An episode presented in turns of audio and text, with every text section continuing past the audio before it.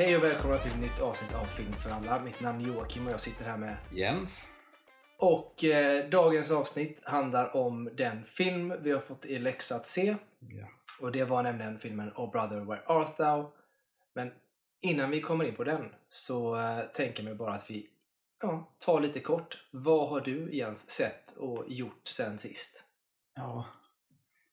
Jag har sett massa känns det som under eh, perioder. Men ja, bara några saker. Nu kommer vi inte prata om alla eh, jag nämner såklart. Men eh, jag har sett eh, The Elephant Man, en gammal 80-talsfilm. Eh, som är en sån där film som man borde sett mycket tidigare. Mm. Men- med John Hurt. Med John Hurt ja. Ja. Eh, och sen har jag sett den här senaste versionen av A Star is Born, den här med Bradley Cooper som också är så här, den borde jag sett tidigare än vad jag gjort. Ja, den är, känns ju som att den... Eh, jag har inte heller sett den ska jag säga. Men det känns som att den, den, är, den är lite sen nu. Ja, exakt. Ehm, och sen uh, Knock at the Cabin, den här M. Night uh, Shyamalan. Shyamalan-filmen. Uh, The Clone Tyrone, Netflix-filmen. Jag tittade på en eh, anime som eh, heter Susume. Eh, Insidious The Red Door. Som jag trodde var Insidious liksom 3. Men sen lärde jag mig att det finns typ fem Insidious-filmer. Ja, det finns många. Det, jag har liksom inte... Men att den här, den här Red Door är liksom den är den är typ tre för att den är den En tredje i, huvud. Ja, men direkt uppföljare på tvåan liksom. Ja, exakt, För ja. de andra är typ fristående på något sätt. Jag visste inte ens om de andra. Och sen har jag sett den här Nicolas Cage-filmen Sympathy of the Devil. For the Devil. Ja, med Joel Kinnaman och Nick Cage. Ja. Ja. Sen Corner Office med, eh, vad heter han nu? John Hamm. John Hamm ja. Eh, Som Så- ryktades i Superman för länge, Ja. länge sedan. Men det... och sen har jag sett Hidden Strike, en eh, Jackie Chan och John Cena-film. Så jag Jag, tyckte, jag, att jag har inte sett den själv, jag, vill, jag kommer se den. Men eh, jag säger att, och inget emot John Cena, men det finns det är 50% av casten där som vill få mig att se filmen. John Cena är för mig inget, lo- ingen lockelse. Men, Ja, men det, det som jag tyckte var intressant med den filmen bara alltså, idén av den filmen var att jag hade inte ens hört talas om den filmen innan. Jag tror eventuellt kanske att jag hade sett en trailer för flera år sedan. Men det var också det att den var ju klar för flera år sedan och hade släppts. Men nu hade den liksom släppts på streaming och typ fått en ny kick typ för att när den släpptes på bio så blev det ingen sak av det. Så det tyckte jag var intressant. det har ju inte sett på bio i Sverige. Nej, inte i Sverige. Det görs inte. Jag bara måste tillägga att jag älskar namnet. För det låter som en klassisk eh, Hongkong ja. 90-talsrulle. Ja, det gör liksom. det absolut. Eh, sen har jag sett Spider-Man Across the Spider-Verse, uppföljaren till eh, Into the Into the Spider-Verse. Spider-Verse, ja. Eh, och sen har jag sett den här komedin No Hard Feelings med Jennifer Lawrence. Jennifer Lawrence. Och så då såklart Vår läxa och Brother Where Art Thou har jag sett. Mm, mm. Jennifer Lawrence där är kul. Hennes första roll som, eh, eh, jag, vill, jag vill säga vuxen skådis. För innan har hon alltid spelat ungdomsroller i princip och varit den unga i en cast. Här känns det som att hon ändå är, här är ju hon ju den vuxne i... Ja, speciellt om man jämför, liksom- jämför med liksom, i relationen till vad det ja, handlar om. men helt ja. plötsligt så, alltså nu eh, får man missförstå mig rätt när jag använder de här uttrycken nu, men hon har liksom gått från, från att vara liksom sexy Hollywood, eh, liksom ung tjej till här helt plötsligt ska hon representera milfen istället. Ja, ja. På något sätt. Ja, alltså. Det är så här, och det har skiftat på bara några år. Nu har hon blivit mamma också ska man säga. Så det är det, men, eh, men det är lite spännande den skiftningen ändå. Ja. Eh, liksom fortsätter de spåren. Och det har ju varit notoriskt svårt för många kvinnor som sagt det när de var yngre att det är svårare att få intressanta roller när man blir äldre. För man får alltid spela mamma eller mormor eller sådär. Och jag eh, har ju inte sett filmen själv. Men jag hoppas ju att vi leder in en period där det inte behöver vara så längre. Utan man kan Mm. faktiskt spela intressanta, eh, sexiga, coola, eh, actionfyllda eller vad som helst kvinnor under en lång period. Mm. Som är, har hjältestatus eller vad som helst. Tillägga då att vi har ju ändå bara on top of my mind eh, från typ Red-filmerna med Bruce Willis och där så har vi ju Helen Mirren Helen Mirren. som spelar, hon är ju actionstjärna där. Hon är med i John Wick och hon är alltså senaste och sådär. Så hon gör ju lite så. Jag tycker det är coolt. Eh, fortsätta med det. Ehm, bra, men jag tänker med några av de filmerna, vi, vi hoppar in lite grann på dem för jag har också sett några stycken som vi kan diskutera. Eh, eh, och vi kan börja med The Clone Tyrone. Ja. En film som är John Boyega som har huvud, huvudrollen kan man Mm. säga. Sen är det Jamie Foxx eh, bland annat och så en eh, tjej där som jag inte kommer ihåg vad hon heter eh, just nu. hon som är med i, i Marvel-universumet nu. Ja, precis. Eh, en del av Marvel, de Marvel-folket. Eh, Hon kommer ju vara med i, i The Marvels. ja, men hon heter ju, jag vet inte vem hon är. Hon är Marvels... Alltså karaktären hon, hon spelar har, har ju en gång i serietidningarna haft titeln Typ. Captain Marvel. Ja, precis. Det är väl något sånt. Och så- två andra. Men Ja. hon heter eh, Theona Paris. Ja, just det. Eh, men de, de tre är ju, de som är huvud, så att säga, som Ja. det handlar om, som man följer. John Boyega främst, men de är ju som ett gäng. Eh, och vi försöker ju, både den här och de andra vi ska prata om är ju relativt nya, så vi kommer försöka hålla det hyfsat spoilerfritt i alla fall. Eh, men, men lyssna på egen risk, ska säga. Men, men försöka hålla det spoilerfritt. Men det går helt enkelt ut på att man följer John Boyega. Han är liksom, de lever i ett, någon typ av gettosamhälle. Mm. Är liksom, eh, en miljö där eh, han håller på att deala droger och håller på med sådana här saker. Va? Och det, hon är prostituerad, Jamie Foxx är hennes pimp. Ja. Och, så här, och den är liksom eh, gjord med, den är ju, det är ju svart humor, svart satir kan man säga på något sätt i det. Ja, det är ju som så här gamla Black Plotation. Ja men det är ju filmer, sån Black liksom. exploitation film typ. Och så är det med lite, med lite humor, glimten i ögat men även med ett visst allvar i det då. Ja, och sci-fi.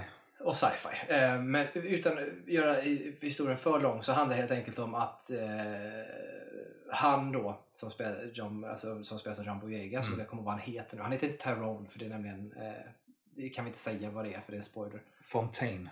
Fontaine ja. Eh, han lyckas upptäcka att eh, han är en klon.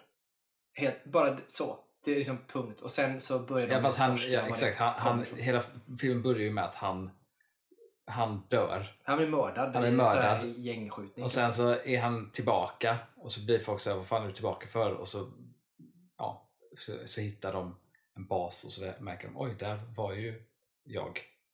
Ja, han Fast inte jag, så han märker att han är en klon. sig själv. Utan han upptäcker att han är en klon i alla fall och lyckas få med sig både Jamie Foxx och den här eh, prostituerade då, eh, Paris, alltså Theona, med sig i, i detta. Ja.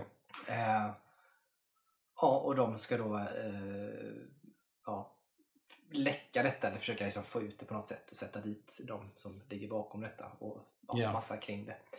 Ehm, så vad var det egentligen? Jag hade ju hört lite grann om det, att det var rätt rolig sådär innan. Jag tyckte inte att den var rolig, haha rolig. Däremot så är det ju en, en, en, en liksom svart komedi på något sätt som, som har sina stunder där man sitter och garvar. Jamie Foxx gör ju en otroligt, som vanligt, fantastisk prestation i, som den här pimpen som är väldigt rolig. Ja. Eh, och speciell. Men vad, vad, vad tänkte du när du såg den? Alltså jag var eh, liksom glatt överraskad. Alltså det var skönt att se en film som var originell. Alltså som, som inte var adapterad för någonting eller typ en uppföljare på någonting. Mm. Så det, det var bara nice att se det. Och sen var det kul att se en eh, eh, liksom sci- sci-fi film med liksom teman som används förr men på ett liksom, lite annorlunda sätt och lite ny tolkning på det och en utgångspunkt som är lite oanvänd sen innan liksom. Eh, jag tyckte att det var liksom uh, den kändes ju väldigt så här, independent vilket jag gillar. Att den känns som att någon form av att regissören har haft lite, lite som en så här, att det har varit ett, ett kärleksprojekt typ kändes det som. Eh, och att det är någon som faktiskt liksom vill, vill göra en, en bra film. Eh, och att det, den har ju väldigt mycket glimten i ögat. Och det är mycket skämt i saker men ändå samtidigt så är det ju liksom det är ändå rätt tunga ämnen egentligen det handlar om. Det är ju samhällskritik. Det är ju samhällskritik. Eh, så, ja. Och det är mycket med det här för att det är som ja, allt det här med, med kloning och allt det där de får reda på i den här lilla sta- staden, det här gettot de bor i. Att, att, att de har, jag, kommer inte exakt ihåg vad det är men det är någonting som då läggs i mat och i typ olika så här, i hårprodukter och sånt som ska liksom eh, göra att, att så jag uppfattar det, det är någon form av hjärntvätt då men det liksom blir mer att alla blir väldigt typ glada och liksom jag vet inte, fnittriga av det. Det är som när de käkar den här kycklingen som har, har det i sig. Sitter ju alla på den här restaurangen och typ är bara glada och skrattar nästan höga. Um, så det, det är på något sätt liksom, där, där, där ser man ju liksom kritiken i, i så här hur man använder det. Men det är ju väldigt mycket en utgångspunkt från African American kulturen. Liksom. Uh, vilket görs ju för lite eh, och är väldigt uppfriskande att se. Det är kul att se en sci-fi film som har den utgångspunkten med någonting man inte alltid ser. Eh, och sen tycker jag att castingen var briljant i den här. Jag tyckte att de tre tillsammans funkade jävligt bra. Mm. Eh, väldigt så här, tydliga ska säga, arketyper liksom, i det. Med Jamie Foxx som var så himla liksom, rolig och flummig karaktär och så har man John Boyegas straight man karaktär och så har man The Wild Card som är Theona Paris karaktär. Eh, och att på något sätt också, att, för att hon spelar ju ändå prostituerad men det är inte så att de jag tyckte på något sätt, det, det handlar ju om prostituerad så är det en hallick och så är det ju en, en, en kriminell knarklangare. Mm. Men samtidigt så tycker jag inte att det, de liksom lägger någon fokus på att de försöker döma det. Eller de försöker döma det här lilla gettot de bor i. Nej, utan det är det mer blir så här, så här är det. Det och de är som de är. Eh, och sen så liksom det är deras verklighet och vi fattar det liksom. Ja, men lite så är det ju och det lägger de ju verkligen eh, inte upp alls. Alltså det är ingenting som kommer någon form av så här samhällskritik mot just prostitution eller att vara hallick eller de bitarna. Det är liksom inte det utan det är ett övergripande större problem kan man säga som Mm. de lägger fokus på istället. Ehm, jag håller med dig, intressant koncept och, och alla de här bitarna. Men om, om vi tittar på filmen som, som helhet med, med jag tänker, ett dramaturgiskt tempo, eh, musik, sådär, vad, hur, hur var filmen? Liksom? Så jag tycker att den var... Ska man säga? Hur ska man förklara? Den, den, var, ju, den var ju komisk. Ehm, jag tyckte att den var, det var rätt bra längd på den. Ehm, att, för den, den är ju inte jättelång. Vad kan den, vad, kan det ha varit? 1,50 kanske? 1,40? Något sånt där. Så det var rätt bra längd på den. Um, skådespeleriet var jättebra i den. Jag tyckte att det, det funkade väl. Ehm, sen, det var någonting jag tänkte på med den här filmen var att um, det är svårt när man inte ska spoila. Nej, jag försöker inte spoila. Jag kan säga det som jag... Eh, för jag hade li, lite kanske problem om jag ska vara kritisk till, eh, till... Jag vet inte om man ska kalla det för tempot kanske, men jag tyckte att den vissa moment så tappade mig lite. För att jag tyckte det blev lite för... Eh, gick lite för långsamt. Så att jag, jag tappade, det är inte säkert att alla gör det, men för mig var det lite grann så. Eh, där jag ser att även om filmen inte är så lång så hade den nog kunnat vara lite kortare och blivit bättre, menar jag. Ehm, sen en sak som jag fullkomligt älskar med det, det är att den är ju i princip utspelar sig i, liksom, i modern tid kan man säga. Mm. Men hur den är filmad och hur den ser ut känns som att det är alltså inspelat på riktig film. Alltså ordentligt. Ja, ja, ja. Och det känns som att man sätter i nästan en kassett, gammal VHS-band och ska titta på en film. Ja alltså det, känns, det vi- känns ju 70-tal. Ja, utan att det ska, utan att det är 70-tal. Ja, utan att det är 70-tal och utan att det dessutom tappar, alltså det är inte så att bildkvaliteten är dålig utan bara att det känns inte som en vet, så här stor du vet, fläckfri Nej, nej, avatarfilm fattar. utan den är så nära på det Mm. sättet och eh, för det är, det är ju typ en low budget sci-fi Mm. och det tyckte jag var jävligt coolt. Det var ett bra grepp att använda sig av det istället för att det var så här crisp bild och det skulle vara utan det var lite sådär, det tyckte jag var eh, superbra och eh, sådär. Sen gör de ju, om man tittar på musiken, det är ju mycket liksom, eh, vad ska man säga, eh, eh, hiphop, rap, alltså Mm. soul-musik och sånt där som de spelar med i som också är så jäkla bra för att sätta stämningen på olika saker. Det finns ju asskön blues och soul som, som är där i sånt. Så att, eh, de bitarna tycker jag är bra eh, och även eh, skådespelarna är bra och sånt också tycker jag. Men, eh, men sen som sagt, det som var det största kanske problemet för mig var att jag tappade lite, eh, att det gick kanske lite för, för långsamt ibland då, att jag losade lite i det. Det som jag tänkte på med, med själva man säga, storyn i sig, eller inte storyn utan filmen som helhet, att jag tyckte att det var någonting lite typ Tarantino-esk Mm. eh, i, i, liksom, i känslan av regissören för att det var mycket så referenser till andra filmer Mm. eh, och a- popkultur och sånt där som Quentin är så, gör så vanligt, speciellt tidig Quentin. Ehm, så det kändes på något sätt lite så här om Quentin Tarantino hade gjort en, en, sci-fi film så hade det kunnat vara liknande typ. Mm. In, inte för att jag tycker att det på något sätt är, är så här porträtteringen av hur liksom karaktärer är och typ dramaturgin är i sig inte lik Tarantino. Men det är någonting med liksom filmens själ som känns lite Tarantino-aktigt på något sätt. Men jag tror att det, det som är lite, som jag kan känna, som jag håller med om i Tarantino-känslan är just att du har eh, liksom en, alltså grova kriminella i Mm. princip. Som är the good guys. Mhm. Och, och, och som dessutom inte utforskar mer än att de bara är så. Mm. Det är lite grann som Tarantino också gör så bra. Att han har ju fruktansvärda människor med i sina filmer.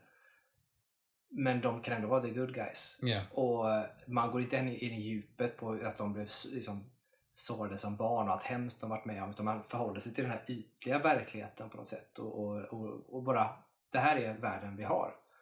Ja, det var det som var lite skönt med den här filmen. Alltså att, att det var just det här.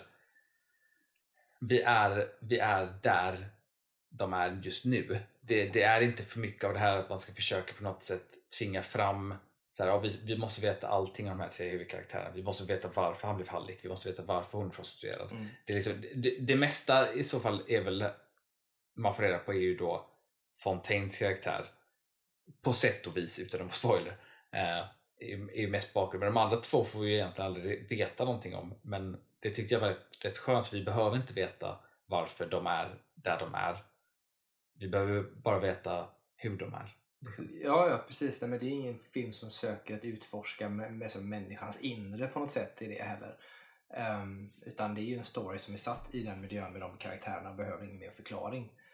Um, sen är det såklart att om, det, om man hade tagit bort eh, eh, sci-fi-delen i det Mm. och, och själva den, den storyn och eh, liksom gjort det till en porträttering av livet i gettot istället för att lägga fokus på det, då hade man ju gått in på alla de här Ja, då hade det varit en annan sak. Då hade man plockat upp, men det intressanta med hela konceptet och världen de bygger upp och, och så som de är karaktärerna hade ju faktiskt funkat om man bara tagit bort hela sci-fi grejen och bara ska porträttera Mm. typ gänglivet Mm. i ett afroamerikanskt getto i USA. Mm. Vilket är intressant och lite coolt också. Men då hade man kunnat gå in mer på djupet och då hade det passat. Men här gör det sig inte att gå in på det utan det passar bra. Jag, jag uppskattar ju sådana filmer för att mm, världen är så mycket skit ändå. Så ibland är det skönt att bara få se det utan Ja. att gå in i varför de är så och hur de egentligen mår när de tänker efter och så vidare. Då? För Ja. de mår ju rätt bra och är rätt liksom, glada ändå i, i att vara pimp och Ja, ja. prostituerad. Ja. Och, eh, så här. Sen förstår de att det inte är bra. Det nämns ju så här att liksom, de driver med varandra till och från. Så här, men exakt. de fattar ju att det inte är bra. Men det är livet de har också. Liksom. Nej, det var bra. Ehm, om vi ska snabbt bara eh, lägga en liten, ett litet betyg på det då. 1 Ja. till 10, vad, vad sätter du? En sjua. En stark sjua. Mm. Ja, Jag sätter en 7 också, men det Mm. gör landar i också. Eh, 7 tycker jag är alldeles lagom. Eh, bra, då hoppar vi osökt in på nästa film. Ehm, och då tänker jag att vi tar Knock at the Cabin. Yes. Från fantastiskt till kanske mindre fantastiskt. Det här är ju. Night Shyamalans eh, senaste Ja. eh, film. Inte senaste, eller ja, senaste projekt är det kanske också i och för sig. För att, eh, allt annat är på paus nu ändå. Ja. Att, men det är senaste filmen. Ehm, där, eh, och vi ska också hålla oss spoilerfria, eh, ett par, ett homosexuellt par Mm. och deras dotter är på semester i en stuga Mm. i skogen helt enkelt och blir home invaded Mm. av eh, fyra personer. Ja. Eh, som eh, ja, i princip det är ju alltid som det med Emma Shyamalan, inte alltid självklart vad det kommer att vara. och sådär. Eh, Men de, är ju, de Home Invaders tar över dem, binder fast dem och i princip presenterar dem inför ett val som eh, kan rädda världen eller inte. Typ så, Ja. utan att spoila för mycket. Ja, för det får det, man det är ju det man får reda är på liksom direkt. plotten, ja, typ. Det är plotten. Ehm, så bara, vad, vad tänkte du när du såg den? Var det nu M. Night Shyamalan vände sin nedåtgående trend? Uh, nej, uh, tyvärr inte. Alltså M. Night, eh, ja, jag vet inte, jag är sån här... Alltså det, jag tror att de enda filmer jag tycker är bra som han har gjort är Sjätte sinnet och Unbreakable. Och där tycker jag också att enda, enda filmen han har gjort som man kan liksom egentligen se om är Unbreakable. typ för sjätte sinnet tills man kan titta på den igen, det är klart. Men eftersom det är grunden i den handlar om chocken så försvinner hand- ju det när man vet om det. Ja. Eh, vilket är problemet. Och, och det tycker jag är, det är någonting han har fastnat i ända sedan han har gjort Sjätte sinnet. Är att allting han gör behöver vara ett mysterium som ska ha en twist. Och det, det tycker jag har liksom, det funkar inte i hans filmer längre. Alltså han har fastnat i någon, i någon konstig grej som bara blir sämre och sämre. Men däremot så tyckte jag att alltså när han gjorde Split så var ändå det en, en okej film tyckte jag. Ehm, och sen gjorde han eh, Glass. Ja, Glass, ja, den var inte så bra. Men sen gjorde han den här eh, eh, The Visit som var en eh, thriller-skräckis med eh, var det syskon, tror jag. Två barnsyskon som är hos sina ja, mo- morföräldrar, ja, ja. precis. ehm, i en liten stuga. Liksom. Och den tyckte jag var rätt bra. För den var väldigt så här, low budget eh, och det, då hade det varit så här, rätt långt mellan projekt. Liksom, och så kändes det som att ja, men nu gjorde han ändå någonting rätt, rätt okej. Mm. Sen gjorde han den här Old heter den va? Ja. som jag inte har sett, men du har sett den. Eh, och den har jag bara hört att den är svindålig, så den har inte Ja, velat se. Nej, och det skulle säga det då att eh, Knock at the Cabin är bättre än Old.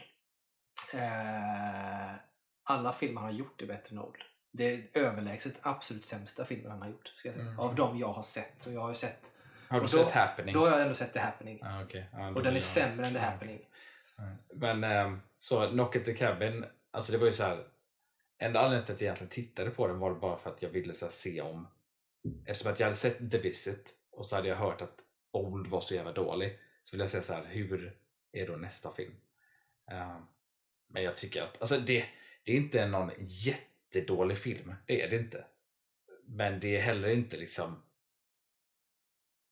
Alltså det är liksom ing, Jag skulle aldrig någonsin rekommendera den till någon. Alltså det är inte sådär, ja, någon film att se. Jag skulle nog aldrig nämna Knock at the Cabin. Det var väldigt liksom, medioker och mycket så här, jag vet inte. Som jag sa till dig en annan gång när, vi, när jag hade sett den och du hade sett den var att jag tyckte att det kändes som en kort film som man har försökt förlänga. Typ. Ja, men det... och den är redan rätt kort, den är typ 1.40 eller 1.30 kanske Ja, den med är, jag tror att den är ja, 1,37 eller något där kan den vara. Något sånt har jag för mig också. Men det är liksom, den är så pass kort och det händer så pass lite att det är liksom ingen, det, det är bara plott. Det, är liksom ingen, det finns liksom ingen... Eller det finns ju försök till alltså så här, att ge motivation till vissa karaktärer varför de skulle göra som de gör. Främst då de här föräldrarna. Um, men det, alltså jag vet inte, allting känns så himla ytligt i den. Det är som så här, man har två föräldrar där, de är motsatta liksom, i sitt utgångstänk med allting. De är som så här, en, Mm. en, är, en är A och en är B. Liksom. Mm. Och det är så här, okej, det var ju intressant. Och sen så har man de här fyra som kommer dit som är så här, egentligen typ samma personer. För alla fyra är ju där motvilligt typ. Mm. Och gör saker fast de inte vill göra saker. Och det är så här, okej, om ingen har någon, jag vet inte, det finns ingen, den, den, är, den är gjord som att det ska finnas en spänning i den som alla hans filmer är, men det är ingen spänning i filmen överhuvudtaget. Nej, jag håller med. Jag, anledningen till att jag ville se den var ju för att vi för ganska länge sedan såg trailern. Mm. Jag tror att vi pratade om det bland de första poddavsnitten en gång, så Ja. nämnde vi trailern och, och blev ju ändå positivt överraskade till trailern. Trailern var ju mycket bättre än filmen. Lova. Ja, alltså, det så här, vill man se filmen, eller vill man inte se filmen ska jag säga, eller överhuvudtaget bara så här. Men se trailern, för det i princip är, du behöver inte se mer. Det är Nej. typ så det är. Men eh, den trailern är ju liksom bättre. Och då jag vet att man såg den tänkte att ja, men det kanske ändå kan bli rätt coolt, tänkte man. Och så såg man så Dave Bautista också i en annan roll än Mm. vad man har sett typ med Drax och sånt där nu på sistone. Ehm, så då tänkte man att det kunde bli intressant. Men återigen så det jag säga är till och med eh, M. Night Shyamalan som ändå har det här med att han ska alltid ha en twist och det, Mm. det ska vara lite så här kopplingar hit och dit. Så det känns som att som att, nästan som att han har tröttnat på sig själv i det. Mhm. Eh, men han måste ändå göra det. Mm. Typ. För det känns urvattnat. Eh, Ja, väldigt. och det, om man ska säga att alltså det, i den här finns det ju egentligen ingen, alltså det finns ju ingen twist. Nej, jag twist. vet, det är det, är det som är. Det är ingen twist i Knock at the Cabin, men det byggs upp som att det är en twist. Men det Ja, är ingen twist. Nej, och, och det som jag, jag hade ju, alltså för mig hade filmen slutat som jag hade velat, eller på ett annat sätt än vad den gör, som jag hade tänkt, som jag själv hade valt att avsluta den, så hade den eh, varit lite bättre.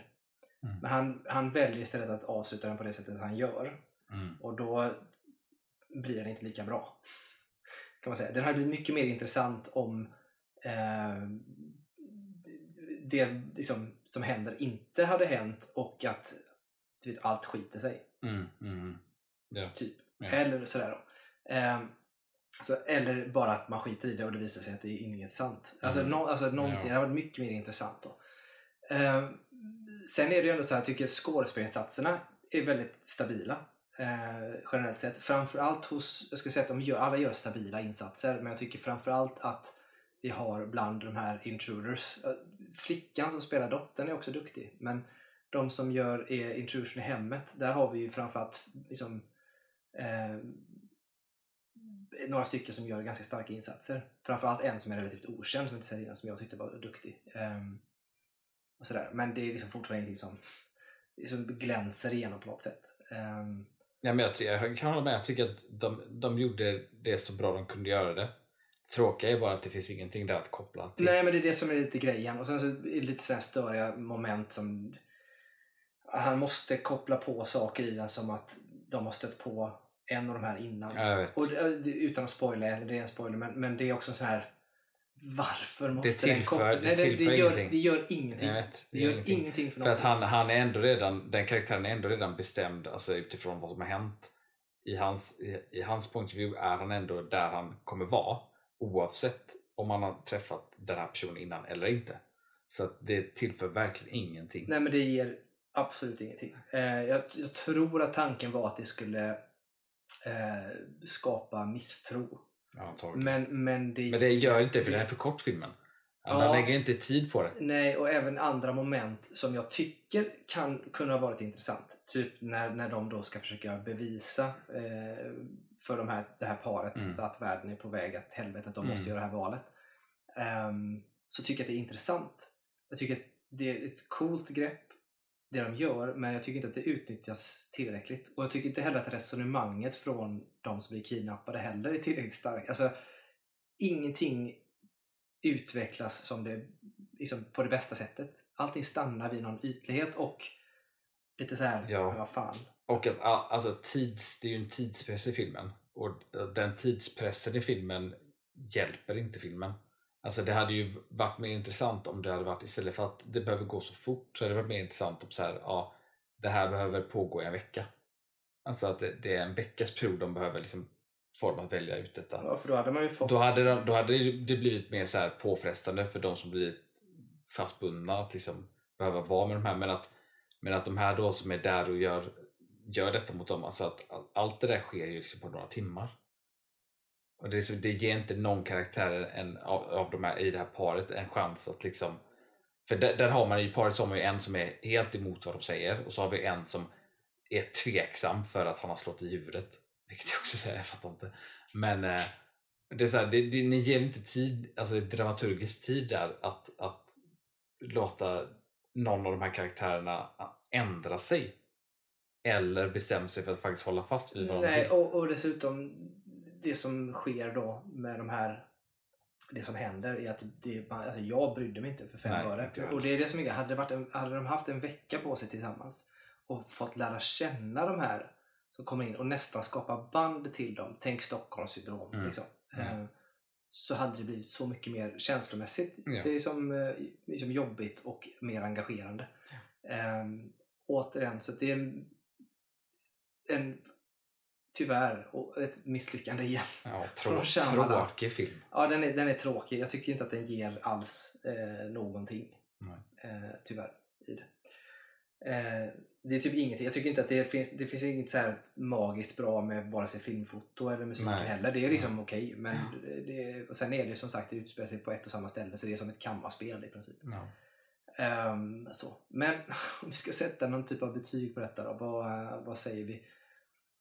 Jag hade egentligen velat sätta så här, du vet, 10 betyg utifrån M. Night Shyamalans ramar, men Ja, vi nej. gör inte det. Vi tittar på... Alltså, jag ger det typ en två. Liksom. Ja, jag kan... Ja, det är frågan. Alltså, ja, två, tre säger jag då. Ja. Tre säger jag. Det får, får ändå vara... För den är inte så dålig som andra, alltså som jag hade gett svår annars. Mm. Alltså jag ser typ Old till exempel, den är ju typ nästan två hack sämre än vad denna är. Så den hade fått typ en etta och Mm. Happening likadant. Ehm, så att en trea kan den ändå få. Men det är, det är ju ett klart underbetyg. Alltså för så sätt. Det är, verkligen, det är verkligen ingen film man måste se. Nej, verkligen. Och är det nu så att ni som lyssnar älskar. Night Shyamalan och tycker vi har fel, skriv gärna till oss och förklara eh, Ja, hans storhet eller vad, vad vi inte förstår eller Ja. någonting i det. Eh, för det är alltid intressant att höra. För jag tänker att det måste någonstans finnas, eftersom han fortsätter göra film, så måste det någonstans finnas folk där ute som ja tycker det är ju är några som går och ser dem. Ja, Så som det. tycker att han är så Ja. bra på något sätt. Då. Och det hade varit intressant att höra det perspektivet också istället för att sitta i våra egna snäva Mm. egon. Tänker jag. Eh, sparat det bästa till sist tänkte jag säga. Eh, nu har vi då eh, Across the Spider-Verse eller vad det nu heter. Spider-Verse 2. Eller Yes. vad man ska säga då. Som är alltså uppföljaren till den här animerade Into the Spider-Verse som Ja. kom för, vad är det, tre år sedan? Jag tror det. Något sånt. Ehm, som är, ja den, är, den animerade. Är det ännu längre? Fyra år? 2018 tror jag den kom ut. Ja, det är möjligt att det är något sånt. Men eh, den, eh, det är i alla fall uppföljaren till den då. Ja. Så det är ju en animerad eh, som det är då. på Ja. Så att, eh, take it away. Vad tänkte du kring denna? Jag tänker att det är skyhöga förväntningar för att den blev ju så hyllad första. Ja. Så att man går in och ska se den andra och tänker att det är inte bara vi utan alla har, tänkt, har haft ganska höga förväntningar på den här. Ja. Och då är frågan, uppfylldes förväntningarna? Eh, Ja, alltså jag hade ju med det. Vi hade, jag har ju haft med mellan Spider, den första av, de, av den här animerade Spiderman. Det är ju ändå en av mina så här favoritanimerade filmer. Ehm, jag tyckte att tvåan var väldigt bra. Alltså, jag tyckte att, att den liksom tog den tog liksom det som gjorde första bra och liksom gjorde, gjorde det lika bra eller bättre med saker. Um, alltså som så här också som så här, serietidningsnörd och sånt där så är det ju bara så här kul att se alla jävla referenser för det är så mycket referenser så att det finns inte i de där filmerna. Uh, och så hela grejen, alltså bara det här också att liksom, hur de kopplar liksom en släng till Marvel med Doctor Strange i Spider-Man No Way Home att det, liksom, det känner de till och då blir man såhär, okej hur stort ska det här multiverse vara liksom? Vad är vad? Och att de, liksom, man ser Andrew Garfield och Tobey Maguire i filmen och ja, jag tyckte det, det var liksom roligt koncept och jag tyckte det var snygg film eh, animeringen var liksom alltså, en, alltså minst lika bra men ännu bättre än förra. Eh, hela hur de använder det här konceptet att, att, att stilen ändras utifrån vart man, vilket universum man är ifrån liksom. Um, jag tyckte det var en rätt eh, ska man säga, Miles story så att säga. Tyckte jag var intressant och, och liksom kul att se liksom hur han är en säga, a, big, a small fish in a big pond på något sätt. Och få upptäcka saker och komma till fund om att han behöver göra det på sitt sätt. Liksom. Ehm, sen är det väl lite, det, det som jag kan tycka gör första filmen bättre än andra, vilket ofta kan vara i alla sådana superhjältefilmer, det är att första filmen är väldigt, eller funkar väldigt väl så i sin egenhet. Ehm, och är liksom en, en fullständig film från början till slut. Mm. Medan den här är väldigt mycket gjord som en andra akt. Ehm, och liksom slutar för att liksom förvänta sig att se nästa film. Liksom. Och det, det tar bort lite av, av upplevelsen för mig. För jag är sådär, jag, jag lämnades lite unsatisfied i slutet. Det var så här, det, var lite, li, det var lite för för stor cliffhanger typ.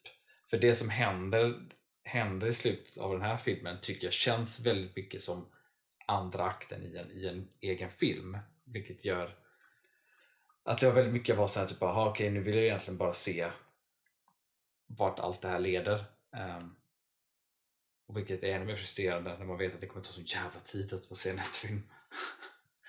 uh, för att han nu blir uppskjuten indefinitely. Så man vet inte ens när den kommer ut. Nej, det är ett problem. Det är kul att du säger det dock, för det är exakt samma sak jag upplevde. Jag, jag var på väg att säga att fan, de har lyckats, den är bättre än första.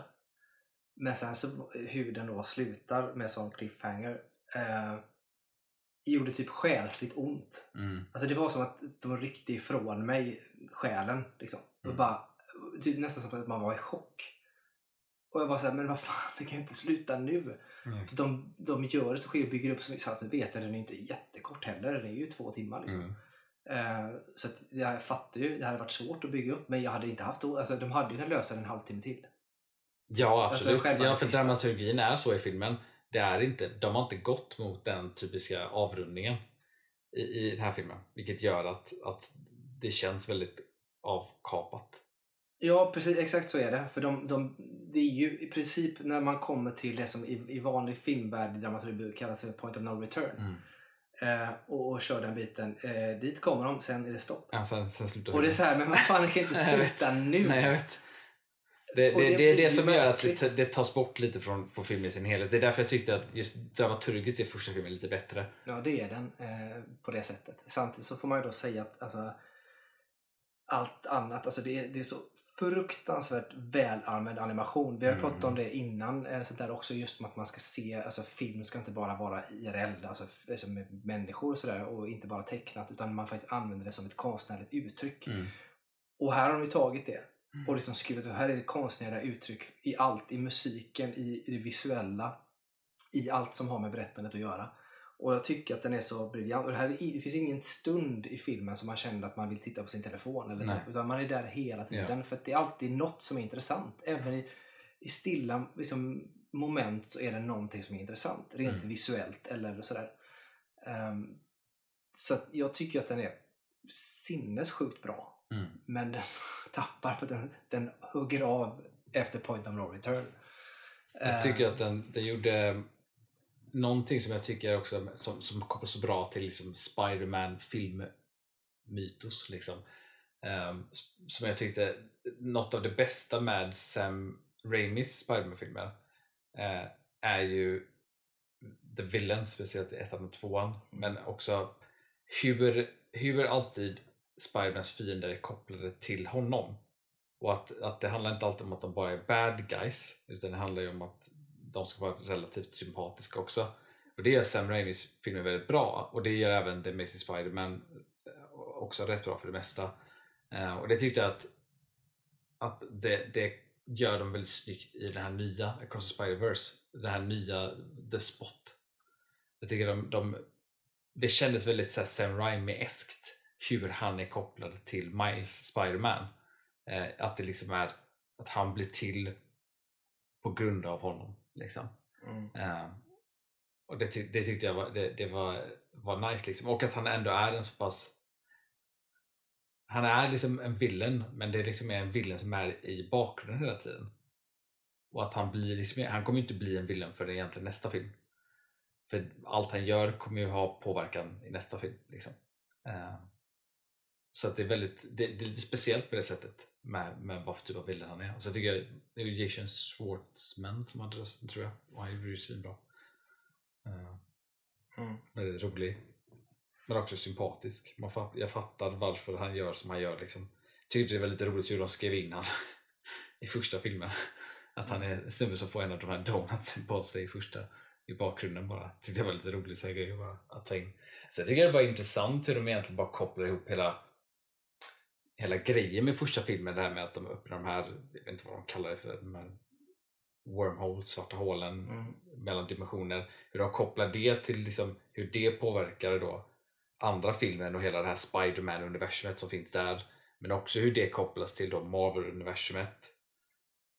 Och liksom hur, hur de försöker liksom få allt det här att, att, att man korsas över. För jag tycker ändå att det finns saker, det finns saker i No Way Home Spider-Man-filmen som jag, jag kunde helt plötsligt så här, aha okej, jag kanske fattar vissa saker där lite bättre efter jag såg den här filmen.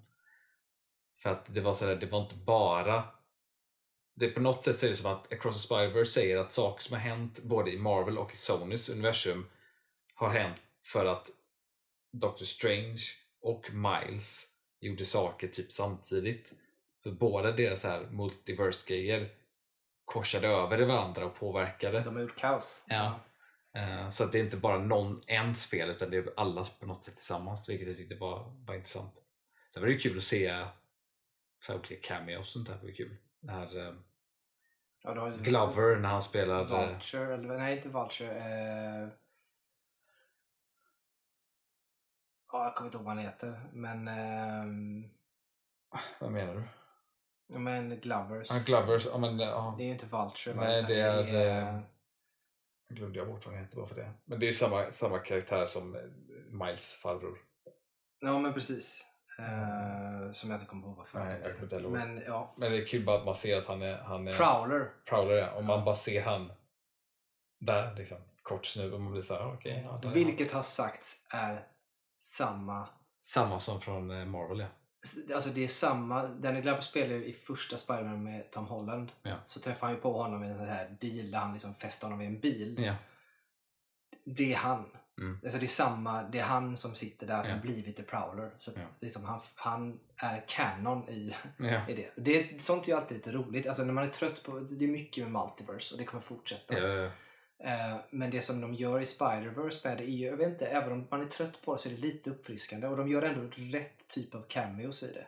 De låter inte heller cameos ta överhand från de det handlar om och Nej, den berättelsen Nej. som finns. Och det, det tycker jag nästan är det viktigaste. För Ja. det är samma sak i, i eh, eh, vad heter den som vann Oscar och allt det här med eh, Michelle Yeoh och eh, Everything All at Ja, Once. Som också är typ ett multiverse eh, Mm. Men det tar aldrig fokus från karaktärerna. Eh, vilket jag tycker att de gör misstag lite grann i, i Marvel nu till Ja. stor del när det försvinner iväg från karaktärerna. Eh, för det är alltid den personliga berättelsen som är det, bästa. Ja. Det, återigen, det kan man se på så många olika håll. När, när då, ehm, jag kan titta överallt egentligen, men alla filmer där, där alltså, karaktärerna har fokus. Du kan titta på första eh, Star Wars-filmerna, du kan titta på första, vad den kan vara i saker där karaktärerna är de drivande, är alltid bättre. Ja. När effekter, eh, berättelsen i stort och sånt där tar överhanden från karaktärsutveckling och karaktärerna man bryr sig om, då blir det alltid sämre. Ja. Och det, det har vi pratat om att vi har regissörer som är det. James Gunn, en sån, som tycker att det här, så ska man inte göra. Guardians of the Galaxy 3 ett bra exempel på när man det är en skitgrej egentligen som, som sker men det blir stort för dem Ja. och det är det personliga på något sätt som, som är det intressanta. Eh, sjukt bra film. Jag kan inte säga det bättre än, än vad du redan har sagt i allting egentligen. Jag tycker att det är, är riktigt bra. Förutom att den slutar för tidigt. Ja, det var lite, jag tyckte att eh, alltså, jag vet, inte, jag vet inte om jag skulle säga det, det är inte negativt egentligen så. Det, det är väl lite mer bara att man, de har valt det spåret att gå på egentligen. Men det är att första filmen är ju väldigt mycket Miles film. Den här filmen är ju liksom mer Gwens film än Miles film. Eh, egentligen. Mm, jag tyckte de gjorde det rätt bra ska jag säga. Ja, men jag, tycker, jag, här- gillade, att- jag när gillade hur mycket Gwen det var. Ja, för när det blev Gwen så tänkte jag först här, okej det kommer ham- handla om henne mer och sådär. Men så lyfter de ändå in, så det är ändå Miles film. Men det är ändå Gwens film Ja. också. Och att göra det på ett sätt där, där båda får utrymmet och båda blir, bryr man sig om och de blir intressanta och Ja. eh, de tillsammans blir intressanta. Istället för att man liksom väger dem mot varandra på något sätt. Utan det är, båda bär filmen och filmen bär båda. Och det tycker Mm. jag är väldigt eh, skickligt gjort. Alltså den, den är otroligt skickligt gjord egentligen. Förutom att den då slutar lite för tidigt. Men de gör ju det här bra. ja, verkligen.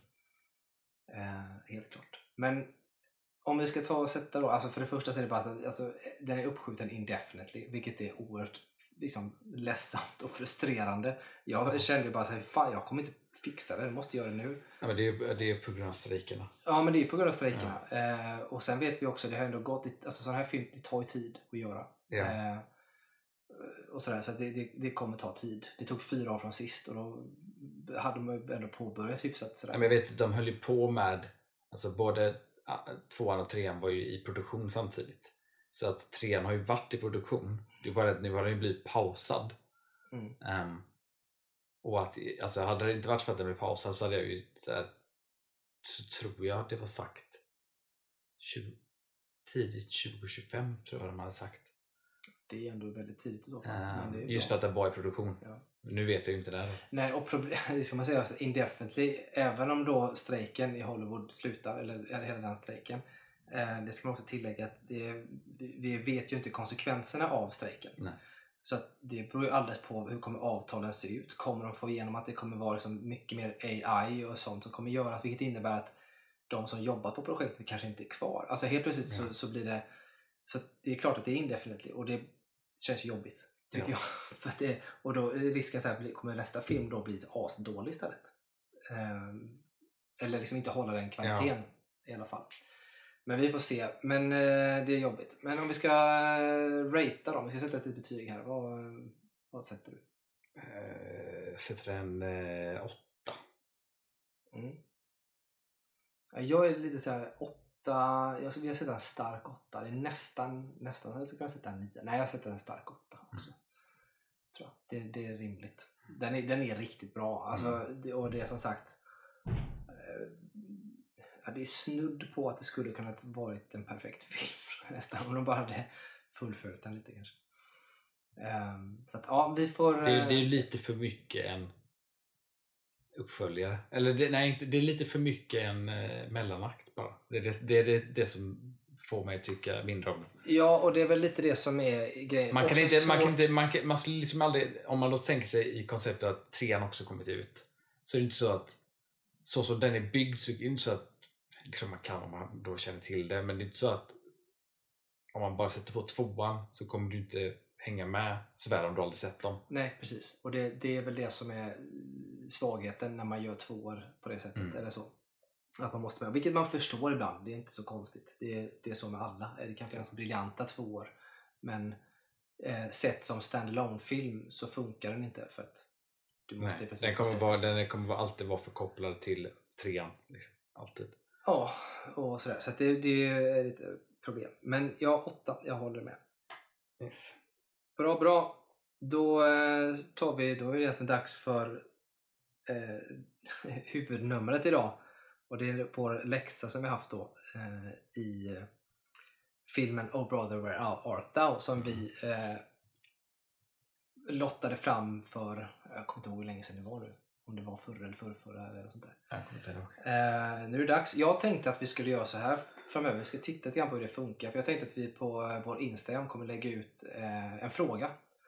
Där eh, ni som lyssnar får, eh, får ge förslag på filmer. Sen får vi se hur många filmer vi får in. Men jag tänker att vi eh, eh, ser och så får vi in ett filmer. Får vi in ett tiotal filmer så lottar vi bland dem. Mm. Får vi in tre filmer så kanske vi betar av allihopa. Eller Mm. inte på en gång men att vi tar en i taget. Eh, och sådär. Ehm, men jag tänker att istället för att vi ska lotta fram så Mm. tänker jag att vi, låter, vi gör det lite Ja. interaktivt och låter, eh, låter lyssnarna helt enkelt eh, säga vilken film vi ska se härnäst. För det kan bli lite mer intressant. Ja.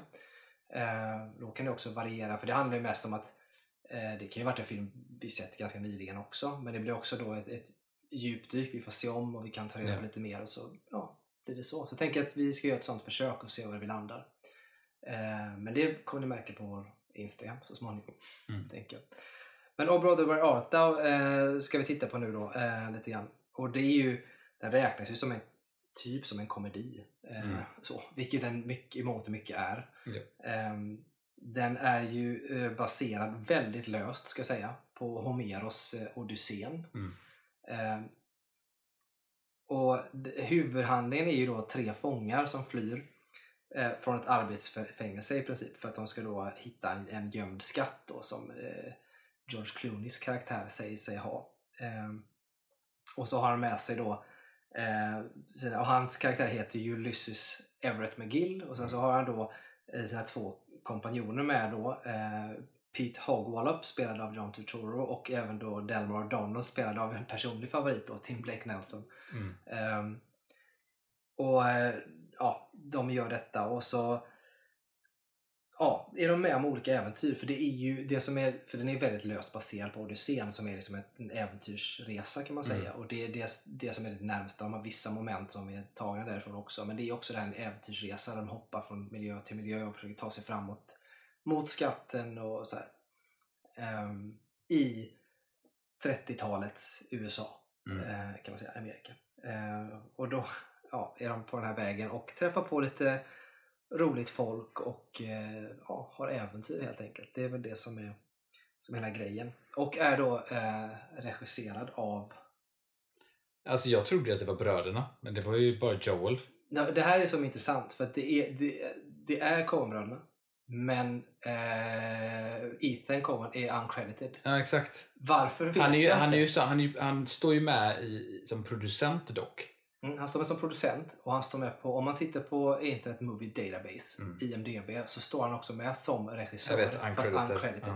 Ja. Eh, och jag måste, jag har inte, jag, jag såg det så tätt jag har inte hunnit kolla upp mer men det hade varit intressant att titta på flera av filmerna nu och se om det, om det som på fler står bara en av dem och någon annan inte. Men jag var inne, ja, men jag, var, jag kollade lite, lite snabbt på det, för jag tänkte samma sak. Och att, eh, För jag har sett när det står The Coen jag Brothers. vet, de, de som jag kommer ihåg liksom var Coen Brothers, de kollade jag och de, de var Coen Brothers. Sen vet jag att, att de båda eh, på senare, eller främst Joel tror jag, på senare har gjort mer själv. Ja, Joel är väl den som är Ehm, mer regissörhållet. Så. Ja, så att eh, jag, jag kan väl anta att just med eh, typ den här Brother Where- Art Thou, att det, det kan ha mycket att göra med men, ja, bland annat liksom facken och sånt där. Det kan vara att, att det var jo, Jolie satt som regissör men att Ethan har varit där och, och regisserat bara eftersom att han inte har varit med i, i processen av att liksom, när de har byggt team och sånt så kan han inte få credit för det.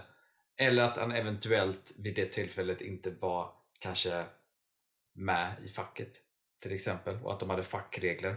Alltså det kan vara sådana saker. Jag Så kan det vara. Jag har inte heller lyckats hitta vad, vad det beror på eller någonting. Men hur som helst så är det att den, en, den enda, nu är han uncredited, så den enda som faktiskt står som regissör på riktigt i den är Joel Coen. Ehm, så är det i alla fall. Ja. Och sen har vi då de skådespelarna jag har nämnt då, alltså, eh, alltså George Clooney, eh, John Turturro och eh, och Tim Blake Nelson. Tim Blake Nelson. Ja. Eh, Ballad of Buster Scruggs. Ja, han är en sån skådespelare som jag bara så här gillar mer och mer för varje gång jag ser honom. Även om jag ser någonting han har gjort förr så blir jag så här, varje gång jag ser honom så gillar jag honom ännu mer. Ja, det roliga med honom också att han är, han är inte jättekänd. Nej, Men han har också varit med i sjukt mycket. jag vet. Ja. Det är så, här, så att han dyker upp här och var Ja. och jag tycker alltid han är typ briljant. Ja. Sen är han oftast en likartad karaktär. Ja, Men fortfarande briljant. Och jag ska säga att jag tycker att John Turturro också är fruktansvärt Ja. briljant i den här. Alltså, jag skulle inte säga att det finns ingen svag insats i den. Jag, jag vet att Clooney fick, han fick ju mycket beröm för den också när, han- när den kom. När jag började titta på den så först var jag tveksam nu. Så här, är han verkligen så jävla bra den här i början? Så här, tycker de andra två ändå överglänste honom lite. Sen så Nej, han tar sig. Han gör också en jävligt bra insats i den. Eh, faktiskt. Så jag tycker att den är, den, är, den är riktigt bra. Och du har liksom John Goodman, Holly Hunter mm. eh, och fler sådana här som man känner igen när man ser den. Eh, och den är ju till skillnad från när man pratar om, om eh, The Clone Tyrone som, som Mm. också ska vara lite rolig. Eh, och, sådär. och den här känns ju men den här är roligare. Här kunde jag faktiskt sitta och skratta för den är ganska absurd och välspelad på många sätt. Och älskar miljöerna. Liksom. ja. Alltså jag var... När jag tittade på den igen, för att jag tror sist jag såg den måste varit alltså, minst tio år sedan. Ja, Jag tror jag, såg, inte- jag, jag, tror jag, såg den, tillbaka. jag tror att jag såg den sist eh, på gymnasiet. Ja, alltså, så det var väldigt länge. Och jag ihåg, när jag såg den första gången så kommer jag ihåg att jag blev väldigt, att jag tyckte att den var väldigt, väldigt bra. Ehm, och att jag liksom reagerade på, åh fan vilken, vilken rolig film och fan vad bra den var. Men när jag såg den om, om nu igen så tyckte jag inte riktigt att den var så bra som jag uppfattade att jag hade tyckt innan. Mm. Eh, Den är ju väldigt bra, Coen-bröderna, eller Joel då. De är ju väldigt, de är bra på att göra film och de, det är ju, är ju en väldigt bra film i sin helhet. Um, samtidigt så kan det vara så här, det är lite saker som, som kan hända när de har gjort, när de har gjort filmer som är dåliga så syns deras svagheter så himla väl. Och ett exempel på det är, är filmen Hail Caesar som de gjorde för några år sedan. Mm, mm. Eh, och de- den är, den är, där är det som att det är som, där har det varit som att de har gjort en Coen-film men det är som att allting i den filmen har inte klickat. Ehm, så att när saker inte riktigt klickar i en Coen-film så tycker jag att det är väldigt, känns slött. Ehm, Vad är det som inte klickar då? Nej men jag vet inte, jag kan som- inte som- riktigt säga på vad det är egentligen som klickar. Det är bara att det är någonting som inte Alltså det kan vara typ en sekvens som inte riktigt är liksom så engagerande eller en scen som inte är så engagerande. Och då känns alltid det är väldigt utdraget så känns det liksom lite poänglöst. Men sen så är det att när det väl klickar så funkar sådana scener extremt väl för de, de gör ju väldigt så här. Deras sätt att liksom berätta är ju väldigt liksom stilla. Um, och att låta liksom karaktärerna göra det de gör i, i frame. Uh, och det är ju deras stil. Och det är verkligen så här, när det funkar så funkar det så jävla bra. Och när det inte funkar så blir det lite slött och lite tråkigt och, och lite så här, lite formuleiskt utifrån en Coen-perspektiv. Typ. Eh, Och det tyckte jag ibland kunde vara lite den här filmen. Eh, sen så var det att också, för jag vet något som märks så väl om man tittar tillbaka på den är ju att man märker verkligen när den är gjord. För den är gjord i, i den här tiden när color correction blev populärt. Att göra det i efterhand på film. Den För kom det hade man 2000 inte gjort. ska jag säga. Ja, för det hade man inte gjort så mycket innan. Alltså det här, att digitalt färgkorrigera film. Eh, det blev populärt runt den tiden och det märker man ju i den här filmen. För där märker man ju att de har ju gått in och bestämt sig för att dra ut färg i vissa grejer så att det blir nästan nästan eh, det här lite beige svartvit-aktiga eh, men inte riktigt liksom. Och jag tycker att det funkar för det mesta men ibland det märks att det inte riktigt har den som har gjort det, eller de som har suttit och gjort det har inte riktigt liksom fått en rutin på det så det känns som. För att det kan skifta lite från, från bara klipp till klipp ibland. Ehm, att det är typ så bara när filmen börjar till exempel så Ja, det ser man, det. ser man eh, Men det fältet tänker och jag är ett skogen. medvetet val de gör. Ja, men jag tror att ibland är det ibland inte för att den här, Men där den här tänker man att det måste vara medvetet. den här det tänker skogen och fältet där är utdraget, allt det gröna är borta. Himlen är jätteblå. Men sen när du går till nästa klipp så är fortfarande alltså gräset och allting samma färgkorrigering, allting som det ska. Himlen är också helt plötsligt inte blå. Ehm, den är nästan grå. Och det tror jag har att göra med att, att, att det här att, att färgkorrigera i efterhand har inte varit planerat under inspelning. Vilket har gjort att du har inte kunnat kompensera för det när du spelat in. Mm, kanske. Jag upplevde som att i början att det var, alltså allt var grått. Jag minns inte att himlen var blå då, precis när de panorerar över. Jo, det är jätte... Alltså när man ser upp Nej men jag såg, jätte, alltså, men jätteblå. det tänkte jag inte på. Jag tänkte på att oj, är den svartvit tänkte jag i början. För då var den inte blått. Sen så filmar de ner och så ser man det här chain gang som står och hugger. Mm. Eh, och där så börjar de skruva upp lite på färgen och sen nästa moment när de står och tittar mot kameran och man ser sol, då är det blå himmel. Så för mig, jag upplevde det som tvärtom. Att de började så, sen blev det färg typ. Mm. Sen så kan jag förstå att det är så, men det man inte kan ta ifrån det, även om man kan tycka att det känns fel eller att de inte är vana vid det, så eh, har filmen en, en ton i sin färg och i skalan som utmärker filmen väldigt specifikt. Ja, alltså det... Det, det, är, ju, det är ju typ, det är ju liksom eh, Oh brother where art thou färgsättningen. Ja, alltså det, det får ju filmen att kännas gammal. Ja, och, liksom. och det, det är så tydligt den filmen. Ja. Det ser man bara på omslaget på den gamla, så man kan se av den att Ja. det, där har de också lekt med eller har kvar det. Liksom. Ja. Sen är det kanske inte planerat, men jag tycker ändå att det ger en, det ger en charm till det. Eh, men jag tycker att det är en bra, alltså jag tycker att det är, jag tycker det är ett intressant val, jag tycker att det funkar för det mesta. Det är bara att jag tycker när man tittar tillbaka på det så ser man att det inte är är, är så, så konsekvent som jag kommer ihåg att det var. Nej, och det är möjligt alltså, att, du, om, att du ens, om du ens har tänkt på det då. Så, jag har inte tänkt på hur konsekvent det var när jag såg den på gymnasiet i alla fall. Eh, men det här, är- sånt här är ju intressant om man hade fått prata med, prata med Coen-bröderna. Mm. Eller så här, och bara fråga liksom. Så dear Coen Brothers, if you're listening, eh, please eh, eh, DM on our Insta. Can be our guests here in Sweden.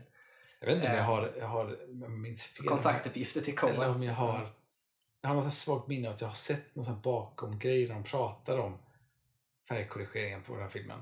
Och att de just att, de just, att, att det blev en grej under tiden och att de liksom blev att de, de, de blev liksom intresserade av att använda sig av det som en, grej i filmen. Liksom. Det är inte omöjligt för att det som jag... Men jag kan minnas det. Jag kan Nej, men det. kan nog stämma. För en av grejerna som jag minns från när den här kom 2000, så här, för att det var på den tiden TV4 hade eh, typ Hans Wiklund och Nils Petter Sundgren, så här filmrecensenter som satt och pratade. De hade ofta så här bakom kulissen och hade intervjuer och sånt. Och då vet jag det var en sån här som rullade typ mellan program någon gång på TV4 med, med typ senaste från Opera. Och då har de intervjuer och så pratar de lite grann om hur filmen har gått till. Och det kan hända att just något sånt var där. För jag vet att man pratade lite grann om, om den filmen och hur den var gjord. För den Mm. blev ändå rätt stor på sin tid. Och, liksom, och Mm. uppskattad och sådär.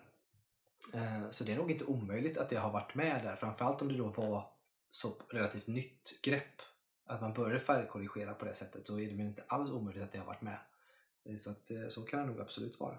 För det är ju samma, det är samma, samma sak som anledningen till varför Sagan om ringen-filmerna ser ut som de gör är ju för att de också tog sig an det här färgkorrigering i efterhand konceptet som man inte hade gjort så mycket. Man hade ju gjort det innan men inte på den skalan som man gör. Och nu idag är det ju praxis, nu gör ju alla det hela tiden. Mm. Men också det spännande med att det, för det är praxis då kan man titta på vilken film som helst egentligen. Eller bara titta på tre olika filmer efter varandra så kommer man se att det är olika. Jag älskar ju när man gör det. Alltså jag, eh, om man gör det rätt.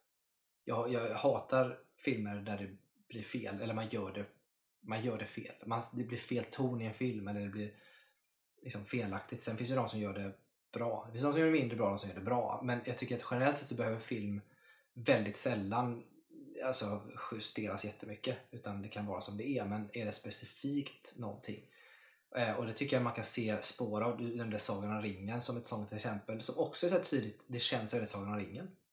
Och Brother Arthur är samma sak. Eh, eh, Matrix-filmerna har också sitt. Ja, men så- alltså det handlar ju om hur man alltså hur man bara använder färg för att berätta någonting. Det är ju Ja. det, är ju det, det är. Och Och, när man gör det bra funkar det jättebra och när man gör det dåligt så, så märks det av. Ja, Ja. och Matrix-filmerna ska man också säga att där, där kan man prata inkonsekvent. Eh, och där är det ju inte bara i färgsättning, där är det allt möjligt som är inkonsekvent. Eh, senare, det vill säga i typ visuella effekter och så vidare. Så. Ja. Men det var inte helt rätt. Men nu ska vi inte prata om den, vi ska prata om Ja, Brother Where Art, Thou. Jag tyckte det var intressant för jag läste lite om den filmen efter jag tittat på den. Eh, och det här att, att Coen-bröderna hade sagt att de inte hade läst Odyssén.